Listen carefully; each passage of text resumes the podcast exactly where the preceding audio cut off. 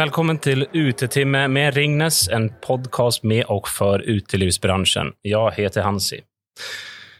Vid sista nedstängning fikk vi nationell skjenkestopp servert ved inngangen av julebordsäsongen. Kompensationstilltaken ble ikke klara vel in på det nye året.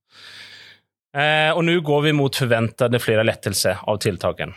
Eh, men vi blir satt i samme situation med motsatt förtecken.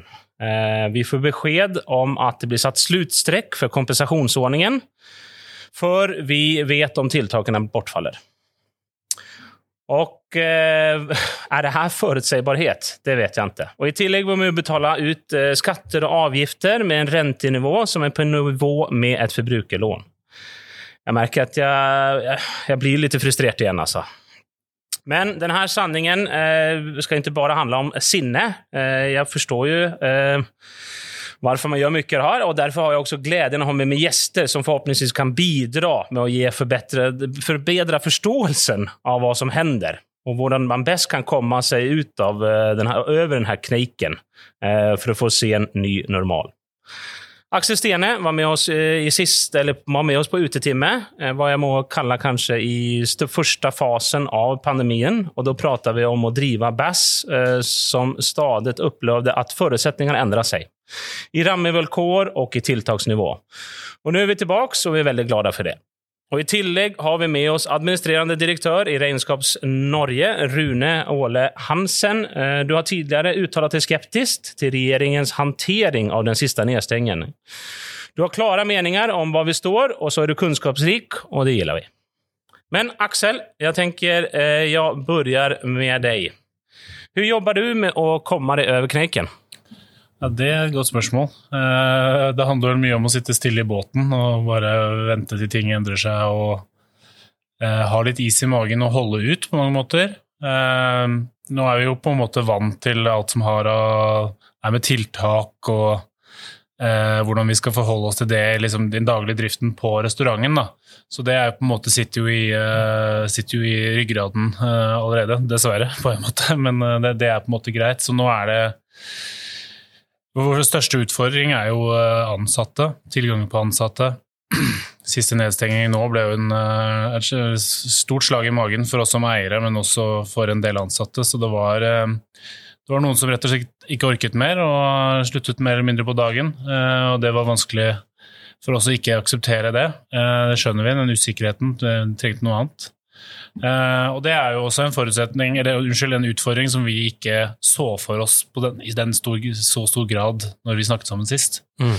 Så, um, så, det har vært uh, Det er vel egentlig det vi sliter litt med, for nå har vi sånn skjønt at det, ok det økonomiske, det ordner seg. Det, folk stiller opp. Uh, det ser i hvert fall ut til å ordne seg, da, for det har vært en eh, litt sånn tillit hos leverandørene til at eh, ja, ok, dere kommer tilbake til oss når dere har penger, bla, bla, bla. Eh, når man, I de tilfellene man ikke har rukket å betale til forfall. Så når dette kommer det med, Men når du liksom ikke har ansatte til å få disse pengene inn, som er et resultat av hvor lenge dette har vart, da, åpenbart, mm. så er jo det en, en, egentlig en større bekymring. Så når da den siste nedstigningen kom nå, så føltes det litt ut som Um, I hvert fall der og da, rett før uh, vi egentlig uh, skulle, skulle liksom få den siste, siste, innspurten før året var over, og kanskje, kanskje ende opp på, på en positiv, uh, positiv tone, så, så, var det et stort slag i magen. Det, jeg forstår at folk slutter.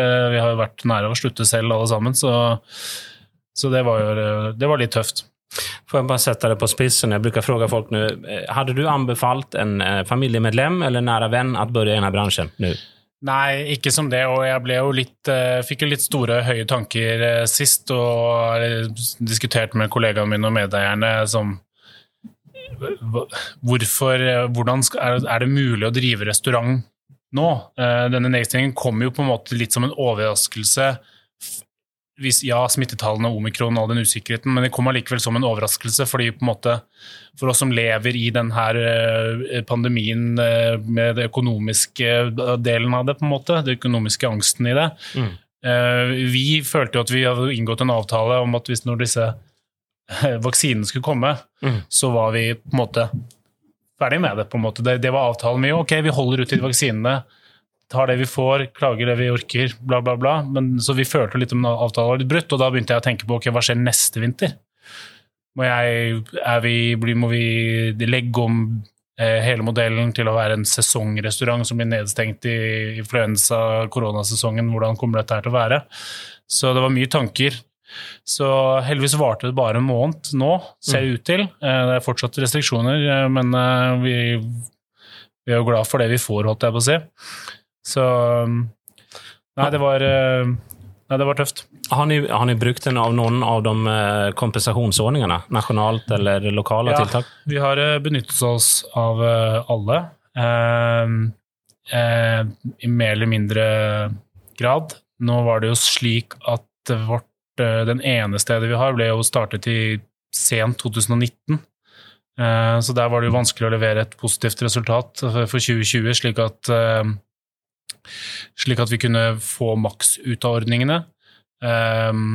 Mens for Bass, som ble åpnet i 2016, så har, vi, har det vært litt mer innbringende. Men ja, men det har jo også vært vanskelig å følge med. Det har vært mye forskjellige ordninger. Det har jo vært lønnsstøtte tidligere, som vi så vidt fikk med oss. Det har vært kommunale ordninger som vi har også fått med oss, men som mange andre ikke har fått med oss. Jeg tror det har også vært en utfordring for folk.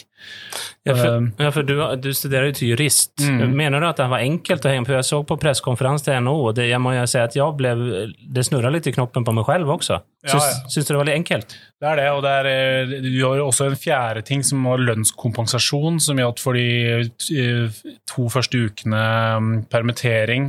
Så, så det var utrolig mye og vanskelig å følge med på Vanskelig å vite om dette var gjaldt for arbeidsgiver, eller om det var arbeidsgiver som skulle gjøre det. Så det var forvirrende både for de ansatte og for arbeidsgivere, alle disse ordningene. Så uh, Nei, det var litt av en jungel. Så jeg, vi har sikkert en, en, eller annen ordning som vi har gått glipp av, men jeg, håper, jeg, håper, jeg tror og håper vi har det. Tror du det er en som har gått miste om det her pga. at det var komplisert? Ja, det tror jeg. Eh, og så er det vært forvirring om, eh, om man skulle søke eller ikke søke, og når man skal søke. og og fristene også. Ja. Og fristene har jo vært ganske absolutte.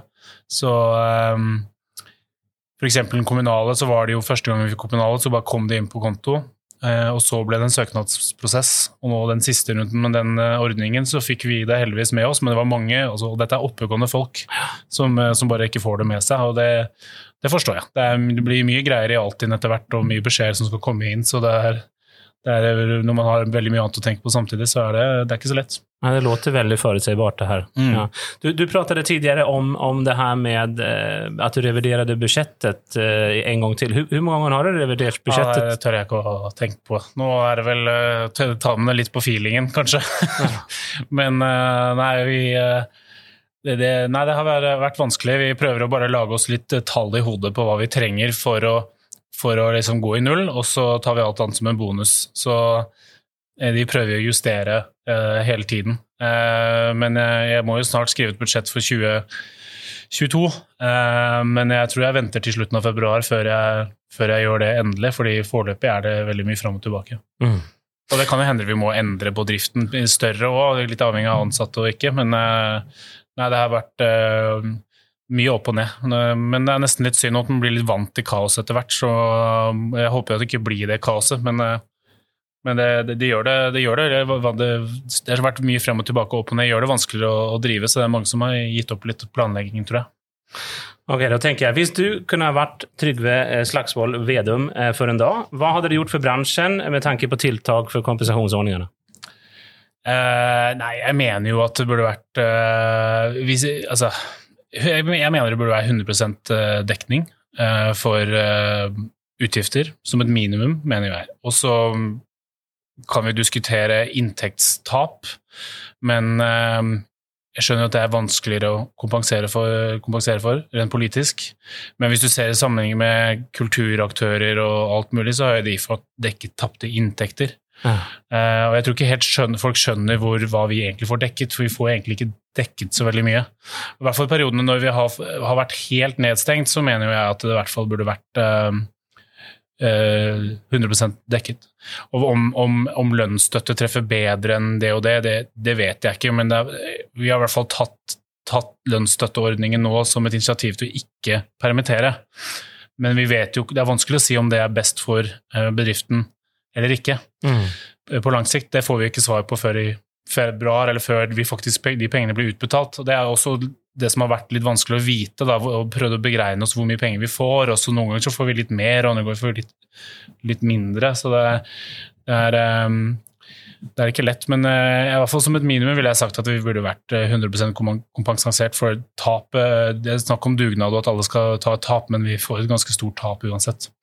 Vi snakket tidligere om 8% litt grann forrige gangen. Mener du at allting er løst nå med 6 Hvilken uh, Jeg tenker på det, det, efterbetalingen, så, så skal renten på den være 8 ja. og nå går vi ned til 6 Syns du allting er løst der? Nei, det, det, det syns jeg ikke. Absolutt. Nei, beklager. det er, det er, altså, altså, regningene til staten er jo de som folk flest, fleste bør, bør prioritere, da, for det er vel de som er kjappest ute med hammeren når det kommer til å uh, begjære tvangsoppløsning og, og sånt som det.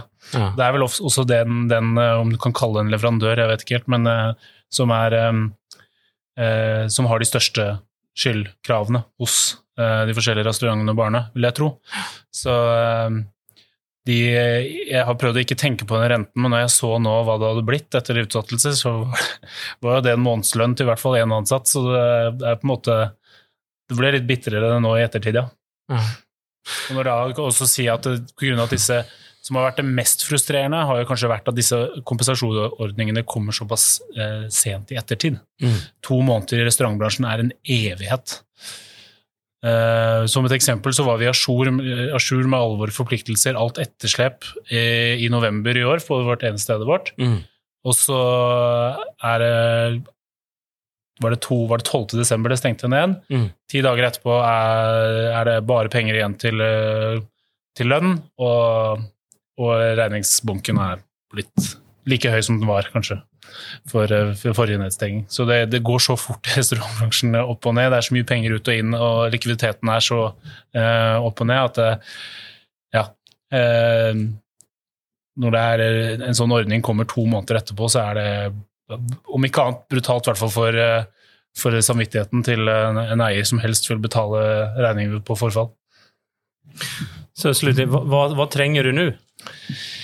Nei, vi, eh, vi, trenger jo først og fremst at folk kommer til restauranten. Det ser foreløpig greit ut. Eh, heldigvis så er leverandørene De fleste leverandørene har, som vi bruker, har jo liksom beina sine i restaurantbransjen, så de skjønner jo situasjonen. Så det er ikke sånn at vi har leverandører som um, altså de, de, er like avhengig av de penga som oss, på en måte. Og, mm. og, de får ikke de, så Hvis det hadde vært leverandører som har bein mange andre steder, så hadde det sikkert vært mer, mer hissige, men vi, vi, møter i hvert fall en del forståelse, også hos utleiere. Mm. Men uh, det spørs hvordan det er nå utover 2022, da. Hvor, uh, hvor uh, tålmodige og og forståelsesfulle folk er. Jeg syns jeg begynner å merke at det er litt annerledes nå etter jul, at alle er litt lei. Så øh, det er jeg spent på. Men øh, med litt uh, god hjelp fra folk der ute, så skal vi nok greie å komme oss ovenpå igjen relativt kjapt. Men det går ikke uten ekstrainnsats fra, fra oss eierne, i hvert fall, og, og også kanskje de ansatte. Så kom og spis på bass. Kom og spis på bass, er det jeg sier. Ja. Ikke bare bass overalt. Ja, ja, det er bra. Rune, jeg vender meg til deg. Eh, da Vedum tidligere presenterte endringene i kompensasjonspakket for uteliv, fikk, man inntrykk av at dette var en veldig god pakke, og at mange permitteringer ble unngått, og bedriften var veldig fornøyde. Deler du denne vurderingen? Nei, altså det er bra at det ble en forlengelse av kompensasjonsordningene. Det mener vi også var veldig riktig i Regnskap Norge. Men vi syns jo det er flere uheldige sider her, og det er noe med litt historikken. Altså Helt i starten av pandemien så var det jo kaos og ingen visste noe som helst. Og at man snubla litt og fikk litt utilsikta effekter. Mm. Det tenker jeg det skal vi ha forståelse for eh, på alle mulige måter. Men halvannet år etterpå, når vi får en ny nedstengning, ganske kraftig igjen, og, og da viderefører tiltak, da bør man eh, Myndighetene bør jo da se på den erfaringen man har gjort seg uh, i, i, perioden. Og Du stilte bl.a. spørsmålene om forsinkelsesrente. Uh, ikke sant? Når altså, virksomheter som da har omsetningssvikt, inntektstap grunnet korona, det må jo dokumenteres at det er pga. korona, de har fått lov til å få utsettelse på betaling av skatt og moms. Og det høres jo veldig fint ut, og det er av likviditetshensyn. Og vi fra Regnskap Norge syns også det er veldig bra tiltak isolert sett. Men så kommer da baksiden av medaljen som jeg tror mange ikke har vært oppmerksom på, heller ikke verken på Stortinget eller regjering, det er at vi har en lov om forsinkelsesrente. Mm. Og den sier at uh, forsinkelsesrenta er 8 prosentpoeng høyere enn styringsrenta til Norges Bank. Mm. Sånn er det bare.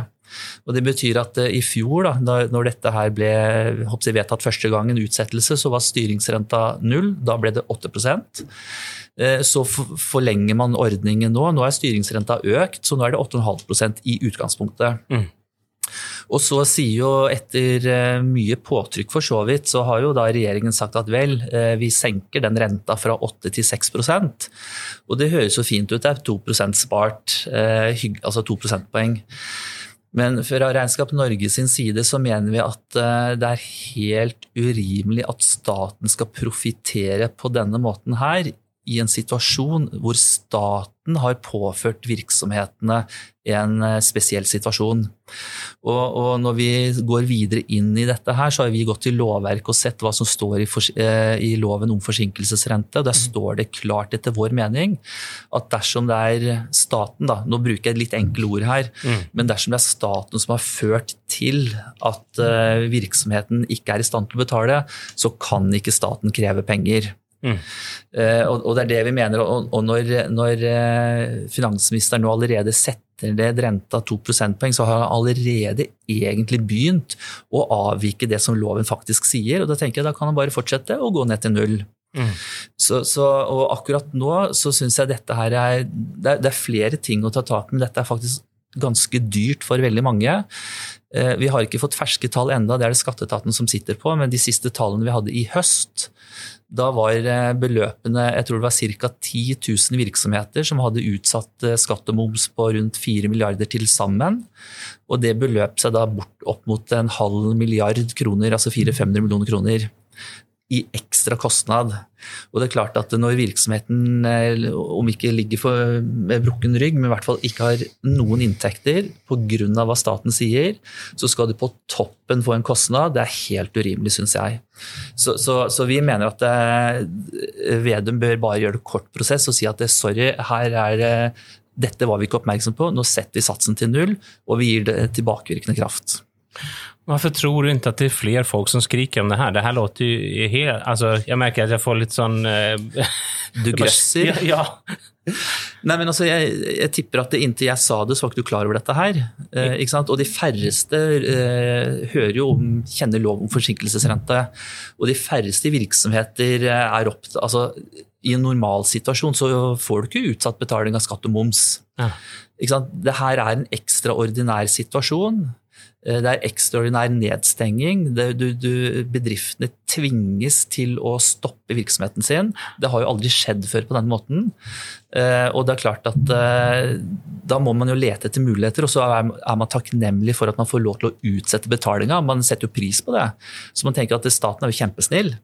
Men staten har ikke følelser. Den bare sier at vel, du skal slippe å betale, men vi har en lov i bakhånd her, og den forteller at du skal betale 8 Aksel, var du klar om alt det her? Jeg var klar over uh, forsinkelsesrentene, men uh, jeg har jo ikke følt de på kroppen før i, i, i koronaen. Uh, og vi ser jo kanskje også blitt blind på de store tallene, men når det blir mye forsinkelsesrenter, så er det jo Når du setter det i sammenheng Ok, det er månedslønn til en ansatt da, ja. den ene dagen. Det, ok, det er, det er rett på bunnlinja. Ja. Så det har selvfølgelig mye å si. Uh, men uh, nei, det er, det er, bra vi har folk fra Raskaps Norge for å tenke litt mer på disse tingene for oss. Ja, Jeg, må bare si, er, er helt, Jeg er helt enig. Er, man kan se seg blind på de store tallene. Det er jo liksom de, de, små tallene som er viktige. og Det vi er litt opptatt av, er jo egentlig først og fremst små og mellomstore bedrifter. Ja. De store virksomhetene, de med hundre og tusenvis ansatte, de, altså hundre ansatte og tusenvis, de har penger på bok. De klarer mm. seg.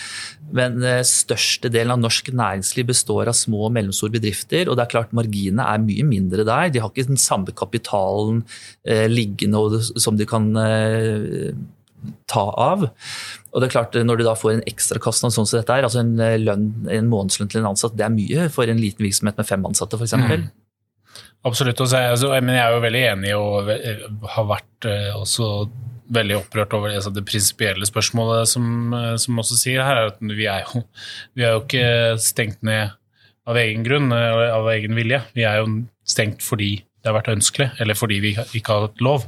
Mm. Uh, så da er det jo selvfølgelig ekstra bittert å da bli, bli pålagt en ekstra straff på 8% for det, når de tilbyr en utsettelsesordning. Mm. Så hvis jeg bare kan føye til, eh, Hadde Vedum vært her, så ville du sikkert spurt han eh, hvorfor går han ikke lenger ned enn 6 Og Han er jo stilt det spørsmålet. Svaret er at eh, det er for å unngå at noen spekulerer i at de får gratis lån på et vis, eller at de unnlater å betale ja, At de spekulerer i dette her. Nok en gang så er poenget at det er en ekstraordinær situasjon. Og for i det hele tatt å kunne få utsett, utsatt betaling av skatt og moms, så må du ha inntektssvikt. Det må være knytta til korona, og dette må jo dokumenteres. Mm. Eh, og jeg, jeg, kan, jeg nekter å tro at vi finner en eneste virksomhet i dette landet som frivillig eh, stiller seg i en situasjon hvor du har null inntekter, du taper penger, bare for å få gratis utsatt betaling av skatt og moms. Ja, Rune, hva hvis man da mm, glipper å betale til staten, altså de, de her rentene? Hva, hva, skjer da? Kan du ta oss litt igjennom det? det? Da kan det skje mye rart. Eh, og dette er også noe vi har tatt opp med skatteetaten og i Finansdepartementet, for så vidt. Det er nemlig slik at eh, det er ganske strenge regler og rutiner for når eh, den utsatte skatten og momsen også skal betales tilbake. Og hvis du glipper, om så er på en dag eller to, og i en tid hvor det er så mye usikkerhet og uoversiktlighet, så kan det skje utilsiktet. Hvis du da glipper, så faller du helt ut av ordningen, altså den ordning for å ha utsatt betaling og skatt. Eh, og i verste fall da så vil staten gå til eh, tvangsinnkrav. Altså du vil bli krevd konkurs, for å si det litt enkelt. Så, så, vi har i denne sammenhengen her eh, sagt at det er, ikke, ikke, det er ikke nok at renta settes til null, det er det viktigste. Forsinkelsesrenta bør settes til null. Men mm. vi har i tillegg sagt at staten, dvs. Si Finansdepartementet, bør sende klare styringssignaler eh, og fullmakt til skatteetaten eh, på at de kan være mer fleksible i denne situasjonen her. De må ha større forståelse for at det kan glippe. Det må være muligheter til å gi gult kort og si at eh, hei, nå har du glemt å betale, skynd deg, ellers så går vi til tvangsinnfordring. Mm.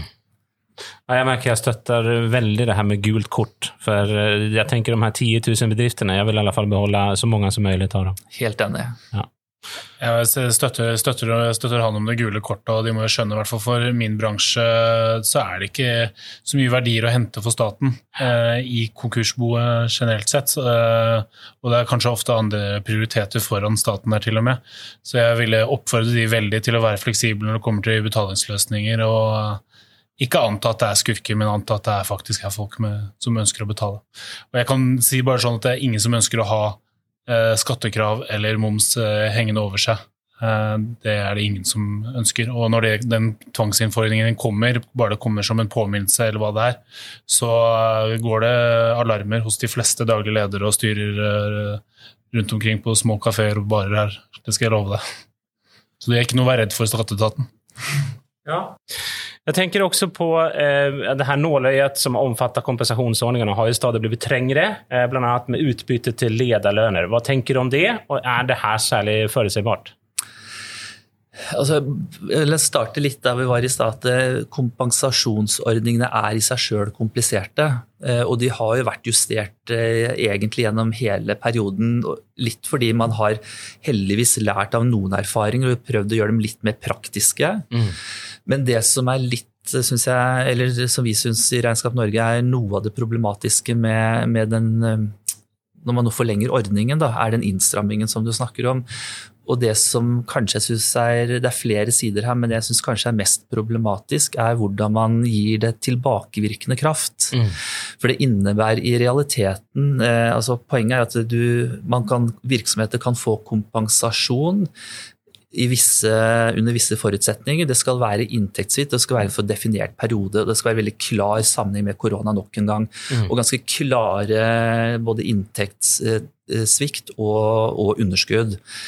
Um, Og, og da, da, får du tilskuddet kun for den perioden. Mm. Dette var uh, vilkår for ordningen før jul, for å si det litt enkelt. Uh, og det man nå har foreslått, uh, og vil forstått vedtatt i Stortinget, det er at nå gjør man justeringer som innebærer at hele året, hele fjoråret, ses i sammenheng. Og Det betyr at hvis du samla over året har fått, ender opp med å gå med overskudd, at du klarer det, selv om du har hatt underskudd i november og, og, og, desember, så må du tilbakebetale det tilskuddet du har fått. Og da er det ikke lenger en eh, kompensasjonsordning, men da er det i realiteten et lån. Mm. Og det er noe annet. Uh, og Én ting er at du konverterer fra å være kompensasjon og støtte til å bli lån, men det å endre spillereglene underveis på denne måten, det skaper ikke forutsigbarhet for virksomhetene. Og det syns jeg er ganske ugreit. Syns, du vi har lært mye fra første nedstengning av kompensasjonsordninger til at vi gjør det her igjen? Altså, altså, vi har lært mye, og det er nok gjort eh, altså, Vi har tatt til oss en del praktiske ting, men, men eh, det er klart og det skal man forstå til dels. altså Det har jo vært eh, eksempler, det har vi jo sett. Noen virksomheter, og igjen store virksomheter, Eh, hvor man har eh, fått kompensasjon, og hvor de har eh, fått kjempestore overskudd og til dels utbetalt utbytte. Mm. Og så er nok dette eksempler på noen få eller noen store virksomheter som ikke er representativ for flertallet av små og mellomstore virksomheter i landet. Jeg har til gode å se eksempler på små og mellomstore virksomheter som har holdt, operert på denne måten her. Og det igjen jeg syns er litt av ugreit, er jo at man eh, for å ta forebygge at noen kjeltringer utnytter systemet, så lager man ordninger som blir så stramme at det gjør det fryktelig vanskelig for det store flertallet av skikkelige virksomheter som holder på der ute. Hvorfor skal de nasjonale ordningene være mye strengere enn det kommunale tilskuddet, eh, som deles ut nærmest ukontrollert? Hvorfor og hvorfor. Altså, det er noe slik. Du kan si Myndighetene de deler ut eller innretter nasjonale ordninger, og der bestemmes det klart og tydelig. og Det er noe med hvordan forvaltningen er, eh, er bygget opp, og det har klare regler. Og så har man jo fra myndighetens side vært opptatt av at tilskudd skal også komme raskt ut. og Derfor sier vi en del av midlene går til lokale potter. Og så er det opp til de lokale politiske myndighetene, eh, kommunestyrene rundt omkring, å innrette ordninger i tråd med de overordna måla. Men det vi ser, det er jo det at eh, de lokale innretningene gjøres forskjellig. Med litt forskjellige regler og krav. Og ulik grad også av kontroll. Eh, og det syns vi er litt uheldig. Det positive selvfølgelig er at eh, der det går raskt, så kommer pengene raskt ut. Det er bra. Eh, utfordring er, er, først og fremst at det er så forskjellige ordninger at eh, du kan sitte som daglig leder og bo i én kommune og drive en virksomhet i en annen kommune og oppleve da at eh, avhengig av hvilken lokalavis du leser, så er det helt forskjellige regler du må forholde deg til. Og Hvis du i tillegg ser på Dagsrevyen og om de, hører om de nasjonale reglene, så er det et tredje sett. Dette bidrar til å skape forvirring i en situasjon som allerede er komplisert som den er. Alltså, jeg, jeg, kan ikke låta bli å, å, å se litt på skolen. Eh, jeg syns man har vært liksom så forutsigbar der og veldig pedagogisk med denne trafikklysmodellen. Er det helt umulig å gjøre noe lignende for utelivsbransjen? Der man gir folk en viss varsling på hva som kommer skje? Altså, det er jo ikke umulig. Eh, man må jo bare være litt bevisst på det og ville gjøre det. Eh, og litt, eh, det er jo et litt sånn ledende spørsmål, ikke sant? men når, da, når man nå sier at kompensasjonsordningene skal pang avvikles 28.2, og så sier du ingenting om resten av nedstengningen, altså innstramning og vilkår, da, da, sier du at vel, det er ikke noe kompensasjon, det er krystallklart, men hvordan inntektssiden blir, vel, det får vi se på. Altså, det, det, lar seg gjøre å være mer forutsigbar også for næringslivet, men man må ville det. Og igjen, jeg, min opplevelse er vel litt den at eh, en del av debatten om disse ordningene og næringspolitikk generelt i Norge, næringsliv, det blir veldig ut ifra betraktning av og man ser på hva de store virksomhetene gjør, og hva de trenger, og så glemmer man litt eh, hverdagen til små og mellomstore bedrifter. Så Sånn sett så burde vi egentlig invitere både statsråder og stortingsrepresentanter ut på besøk i, i hverdagen til eh, mellomstore bedrifter, sånn at de får se hvordan eh, den virkeligheten faktisk er. Jeg kan ikke forstå at man ikke kan finne noen slags tak for de store bedriftene, at man kan dele inn i ulike bulker, men det, det forstår jeg det blir en helt annen diskusjon, så jeg skal, ikke, jeg skal ikke gå ned den der. Men vi skal innom forholdet med skatt og donasjoner som er gitt i forbindelse med nedstengningen eh, og på oppfordring av, fra myndigheter. Er det umoralsk fra din vurdering? Kan du si litt mer om det? Ja, altså igjen, Myndighetene innførte jo kompensasjon for varelager som går tapt, mm. sånn i utgangspunktet. Mm. Samtidig, og dette her var jo rett før jul, eh, for så vidt fortsatt, så, sier de at, eh, eller, så oppfordrer man jo virksomheter til å donere matvarer, for, typisk, mm. for å unngå matsvinn. Og igjen, dette er jo veldig fint og flott. Um, underveis i den prosessen så kom jo Regnskap Norge vi stilte spørsmål og kom med innspill på at uh, da bør man kanskje også se på skatt- og merverdiavgiftsloven og konsekvensene i denne sammenhengen. Og nok en gang så er det jo her et regelverk på siden som har en konsekvens inn uh, når man gjør disse endringene. Og igjen, Staten er ikke snill og hyggelig, den har ikke følelser. Den gjør det den gjør, og det betyr at skatteloven skal gi inntekter, og merverdiavgiftsloven skal gi inntekter. Konkret i dette tilfellet så betyr det at eh, lovverket er krystallklart, egentlig. Hvis du gir bort noe som helst, så påløper uttaksskatt. Mm. Så selv om du gir bort eh, en veldedig, eller i dette tilfellet ikke veldedig gave, da, men hvis du gir bort matvarer, så påløper det skatt. Det er skatteloven. Men i tillegg, i utgangspunktet, så påløper moms. Mm.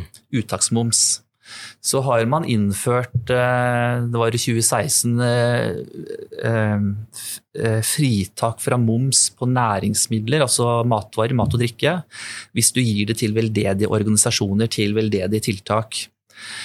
Og Dette høres jo også fint ut, og det gjelder jo fortsatt, men forutsetningen er at det gis til en veldedig organisasjon. Så du mm. kan ikke uten videre gi det til et sykehjem, f.eks. Så, så det er igjen skatt skatteregler og momsregler er komplisert mm. eh, og har noen konsekvenser som myndighetene Dvs. Si, I dette tilfellet her så har de sagt med noen få setninger i høringsbrevet sitt at eh, og i pressemeldingen tror jeg faktisk også, at eh, eh, det er noen konsekvenser på skatt og merverdiavgift som virksomheten må være oppmerksom på. Ja, jeg, jeg, merker at jeg håper du er med i rommet når, når visse saker blir, beslut, blir tagna med tanke på hvordan du forklarer det så enkelt og lett for meg. Så da spør jeg deg samme sak. Hvis du hadde kunnet være vedum for en dag, hva hadde du gjort med saken? Altså, jeg, eller Fra Regnskap Norge sin side så har vi jo sagt, og vi har sendt forslag vi, til både til finansministeren Vedum og til næringsministeren eh, Vestre om at eh, skatt skatteloven og merverdiavgiftloven For det første så bør de ses i sammenheng med eh, altså Bør man åpne opp for mer unntak eller fritak eh, for å sikre eh, motarbeide matsvinn, eksempelvis. Sånn at når virksomheter i denne situasjonen her gir bort gir bort mat, at det ikke utløser skatt. Mm. Så dette har vi helt konkret foreslått.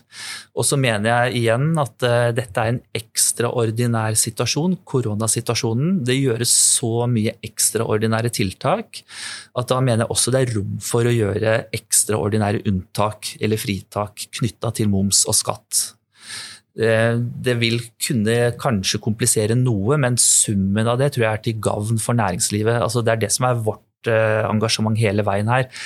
Vi, må, vi, vi kan ikke innføre hva skal jeg si, tiltak som gjør at næringsliv, næringsliv får flere kostnader. Mm. For bare for å avslutte på denne her, Skatteloven har jo den fiffigheten at uh, du får skatt dersom du gir bort en vare. Mm. Men, uh, altså en uh, nei, matvare. Men hvis du destruerer den, da blir det null. Ja. det var logisk. Du, jeg, jeg, jeg, tenker jeg avslutter her med, med, å høre med deg. Hadde du rekommendert en, en, en venn eller familiemedlem å gå inn i utelivsbransjen, som det er just nå? Altså, jeg skal være litt forsiktig, men jeg tenker vi, vi, ønsker oss et mangfoldig næringsliv. Vi ønsker oss et rikt uteliv. altså Ingen kan være imot det. Og jeg tenker du skal ha litt, også, tror jeg, litt eh, drivkraft og litt engasjement og passion for det. Mm. Og jeg syns det vil være strålende å ha folk som vil ha skape et uteliv. Vi har glede av det alle sammen. Det å gå ut på en restaurant, gå ut på en pub eller hva enn det måtte være. Vi alle setter pris på det, så jeg vil jo virkelig jeg vil jo oppfordre de som ønsker det, til å virkelig gjøre det. Og så er det noe med at vi myndighetene må skape rammebetingelser som gjør at jeg si, levedyktige virksomheter også i næringslivet vil kunne leve, blomstre framover. Ja, med. Aksel, er det noe jeg har glemt? Nei, jeg tror det, jeg tror det er det meste. Vi får bare håpe at det åpner fullt fremover, og at myndighetene også tenker på oss etter korona, hvis det er noe etter korona. Eh, så får vi bare håpe at folk kommer. Det er det viktigste. Det det, er det vi må sette over tid til, har vi skjønt. Tusen takk til dere. Gå ut og spis, sier vi til folket, mm. med én meters mellomrom. Ja, takk. Enn så lenge. Takk skal du ha. Og med det går vi videre.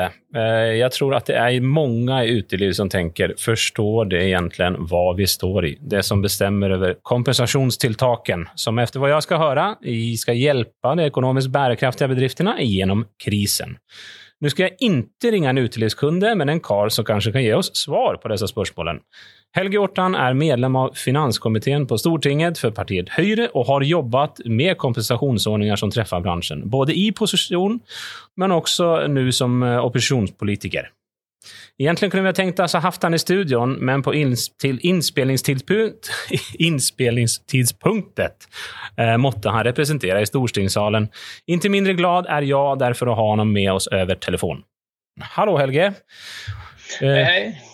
Jeg tenker, Hva tenker du om situasjonen som utelivet nu har stått i i snart två år eh, innan pandemin? Jag tror eh, väldigt många av oss eh, ble veldig eh, skuffa egentlig også når vi så den oppblomstringa som kom her på høsten, vinteren av det omikron-viruset. Og, og, at det var, igjen ble nødvendig med strenge smitteverntiltak. Jeg tror de aller fleste nå er grundig lei av det. Eh, enten om en driver med politikk, eller om en driver i utelivsbransjen, eller om en faktisk bruker alle disse her gode tilbudene som er rundt omkring, så er det, det er en forferdelig tung situasjon som har vart i lang tid. og jeg tror det de aller fleste av oss vil ut av dette her raskest mulig, og eh, oss, inklusiv oss som sitter her på Stortinget. Så, så det er sånn sett så prøver vi etter beste evne å, å etablere ordninger da, som mye annet kan kompensere Eh, om ikke fullt ut, så iallfall til en viss grad for en, masse, en del av de ulempene som inngripende tiltak skaper. og Det har jo for så vidt vært en bred tilslutning om, gjennom hele pandemien. og så, så er det jo, lytter, Vi prøver å lytte til innspill som kommer fra, fra, bransjen og prøver å ta det med oss i tilpasning av ordninga. Nå ble det jo en ny runde på dette her eh, før jul. Eh, og vi har faktisk, eh, Grunnen til at vi var i Stortinget i dag, er at vi fikk behandla et forslag fra regjeringa om, om, om, de bevilgninger over statsbudsjettet på det, en del av de tiltakene som vi nå nettopp har fått på plass. Eh, vårt innspill til regjeringa før jul var at vi ønska gjerne at eh, vi skulle jo på plass med en lønnstilskuddsordning. Vi skulle oppdatere den generelle kompensasjonsordninga. Og Vårt innspill til regjeringa før jul var jo at vi gjerne så at vi hastebehandla det før jul, slik at, det, at, bransjen hadde litt mer forutsigbarhet. Men dessverre så er det ikke dette kommet på plass nå før i, i januar. Mm. Det var jo Høyre som innførte ordningen med å utsette skatter og avgifter og en rentesats på 8 eh, som nå regjeringen eh, Støre har nedjustert. Står Høyre fortsatt på 8% eller er det endret vurdering av sats? Nei, Vi, vi slutta oss til den nedjusteringa eh, fra 8 til 6% så, så skjønner jeg at det, det er en diskusjon omkring vi kan alltid ha en diskusjon omkring nivået. Jeg tror ikke, jeg tror ikke null er et riktig tall, eller riktig rentesats, rett og slett fordi jeg tror uansett eh, det bør være en eller annen eh, betaling for utsettelsen. Men samtidig så er det alltid åpning for å diskutere nivået. Men nå slutter vi oss til det som egentlig var regjeringens forslag, da, som var en ny sats på, på 6% men mange mener vel også at, at, regjeringen har en del av det, altså den situasjonen som man er i med, med, å, med å stenge kranene, altså at man ikke har mulighet for det. Så, så det her lånet som man utsetter, er det rettvist å sette en altså rentekrav på det da? Jeg tenker at det er, i fall er riktig å ha en, en, en viss prosentsats uh, uansett uh, om det på en eller andre måten han, han låner penger i en sånn situasjon. Uh, men samtidig så skjønner jeg godt Jeg har ikke problemer for å skjønne både frustrasjonen og, og, og, hvor krevende dette kan være for veldig mange. og så er det sånn at Vi prøver å være litt fleksible med, med å skyve på på innbetalingsfristene her, og jeg tenker at det er også god grunn til at staten skal være fleksibel når, når denne her gjelden og sluttgjelden skal, skal gjøres opp, slik at vi finne løsninger som gjør at eh, bransjen og levedikt, ellers levedyktige bedrifter kommer seg gjennom dette. her. Men vi, Det er ikke aktuelt for oss å gå ned på, på nullrente, det er det ikke. Men vi, som sagt, vi, vi, vi slutta oss til den reduksjonen som nå var foreslått. og så, så får vi bare fortsatt ha en diskusjon omkring eh, om det er riktig nivå. Eh, jeg skjønner fremdeles at noen syns det er i høyeste laget. Mm. Nu strammas det in og och görs ändringar. Nåløyet blir strammere og strammare och strammare benytte för att benytta sig av den nasjonale kompensasjonsordningen. Hva tenker du om det? Nei, Det synes ikke, altså, det er både og. da. Altså, det er gjort noen tilpasninger som for så vidt har gjort ordninga etter min mening bedre. Men samtidig så har regjeringa foreslått noe som de kaller overskuddsbegrensning eller overskuddsforbud, eller kall det hva du vil. men mm men uh, uansett så er det da uh, greia er jo at uh, får du nå støtte f.eks. For, for januar-februar, og du går overskudd resten av året, så risikerer du å måtte tilbakebetale det tilskuddsbeløpet du har fått. Det mener vi er helt feil. Og særlig i denne fasen av pandemien som vi står i nå. Forhåpentligvis så er dette her siste smittebølge der vi trenger denne type innskrenkende tiltak. Mm.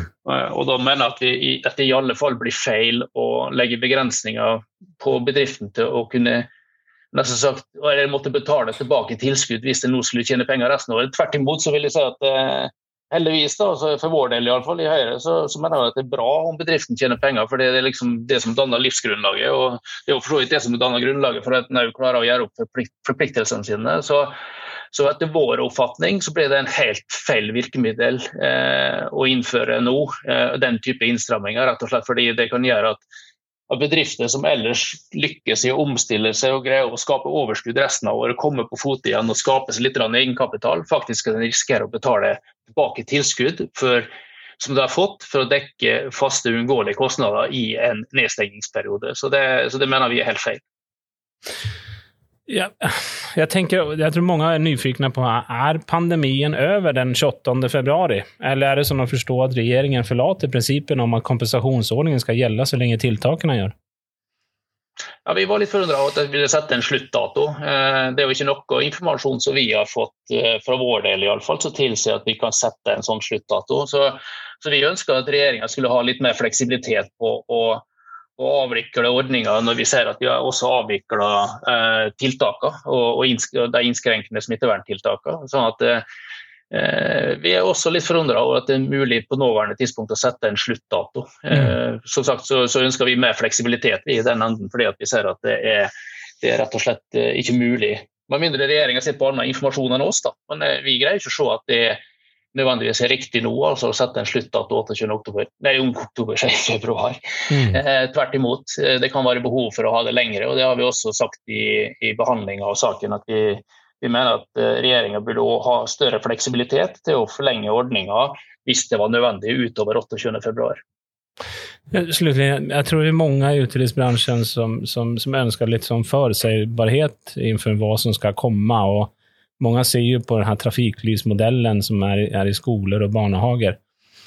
Tror du att det skulle vara möjligt att införa något, något liknande eh, för utelivsbranschen så att man visste vad som gällde för olika, om detta skulle då ske igen? Ser man på noe sånt? Altså, jeg har forståelse for at, eh, at mange kanskje syns det er litt vanskelig å orientere seg i de ordningene som finnes. Eh, for det første, så, Hvis du ser på kompensasjonsordningene, så er jo det har du da den generelle ordninga, og så mm. innførte vi nå en lønnstilskuddsordning i håp om at eh, etter, etter, tilbakemelding fra veldig mange i bransjen faktisk, om at en ønska heller en lønnstilskuddsordning enn å permittere. Eh, så den, den, den kom jo på plass etter hvert. Eh, kunne gjerne hatt det på plass litt før, så det ble mer forutsigbart. Mm. Vi inviterte som sagt regjeringa til å få det på plass før jul, men det, det kom liksom ikke på plass nå før i, i januar. Men det er litt vanskelig innimellom å skape forutsigbarhet i en uforutsigbar situasjon. Og jeg, kan, og jeg tror Det som kanskje aller aller viktigst nå, er at vi klarer å gjøre det vi skal for å sikre at kompensasjonsordninga fungerer så godt det kan for de som trenger det, og at det ikke er mer komplisert og mer byråkratisk enn det trenger å være. Mm. Eh, samtidig som at jeg håper og tror at vi ser slutten av en del av disse her inngripende tiltakene. Det ser jo ut som at eh, vaksinering, tredje dose Og det faktum at omikron-varianten ikke synes å være så alvorlig som tidligere varianter av dette her viruset, kan tyde på at det skal være mulig å kunne holde åpent eh, framover. Eh, og at folk igjen kan ta opp igjen eh, både aktiviteten med å gå på restaurant, eh, pub, det å kunne gå ut og kose seg og ha det litt kjekt sammen i større grad enn det vi kunne gjort de siste par månedene. Så det, så det er sånn det, det, aller beste er jo at bransjen sjøl får lov til å gjøre det det er aller best på, nemlig å uh, servere mat, drikke, gode opplevelser til folk. Det er det som på en måte skaper framtidig bærekraft. Ja, det håper jeg virkelig også. Jeg spurte også mine gjester her i dag om, eh, om de skulle rekommendere noen kjent eller eh, familiemedlem å starte i denne bransjen, altså utelivsbransjen. Hva med deg? Hadde du villet rekommendere en ungdom om å gjøre det? Ja, det tror jeg jeg ha gjort. Også. Det, men det må jo selvfølgelig ha interesse og, og evnen og det som skal til for å gjøre det. Da, selvfølgelig. Men, men altså, jeg, hvis jeg skal bedømme resten av Norges befolkning ut fra hvordan de føler det sjøl nå, så har jeg veldig lyst til å gå ut og møte folk og ta et godt måltid, drikke god drikke, det å være ute og kose seg. Så jeg tror, tror det er et betydelig oppdemma behov for den type aktivitet fremover. Så, så, jeg håper og tror at det kan gi en, en veldig god effekt av bransjen fremover. Da. Jeg vil takke deg, Helge, for at du kunne være med. Eh, og så lykke til videre. Jo, takk. Takk det samme. Og all, all mulig god lykke til, til alle i bransjen. Tusen takk for det. Takk til våre fantastiske gjester Aksel Steen, Rune Åle Hansen og Helge Orten. Produsent Nils Niresrud, ansvarlig redaktør Johanna Ellefsen Rostad. Det har vært tomt her uten Emma. Neste uke forhåpentligvis kommer hun tilbake. Hun har dessverre vært ute i karantän denne gangen. Det har vært tomt her uten henne, så jeg gleder meg stort til å få henne tilbake. Takk for i dag, og husk lik, lytt og del.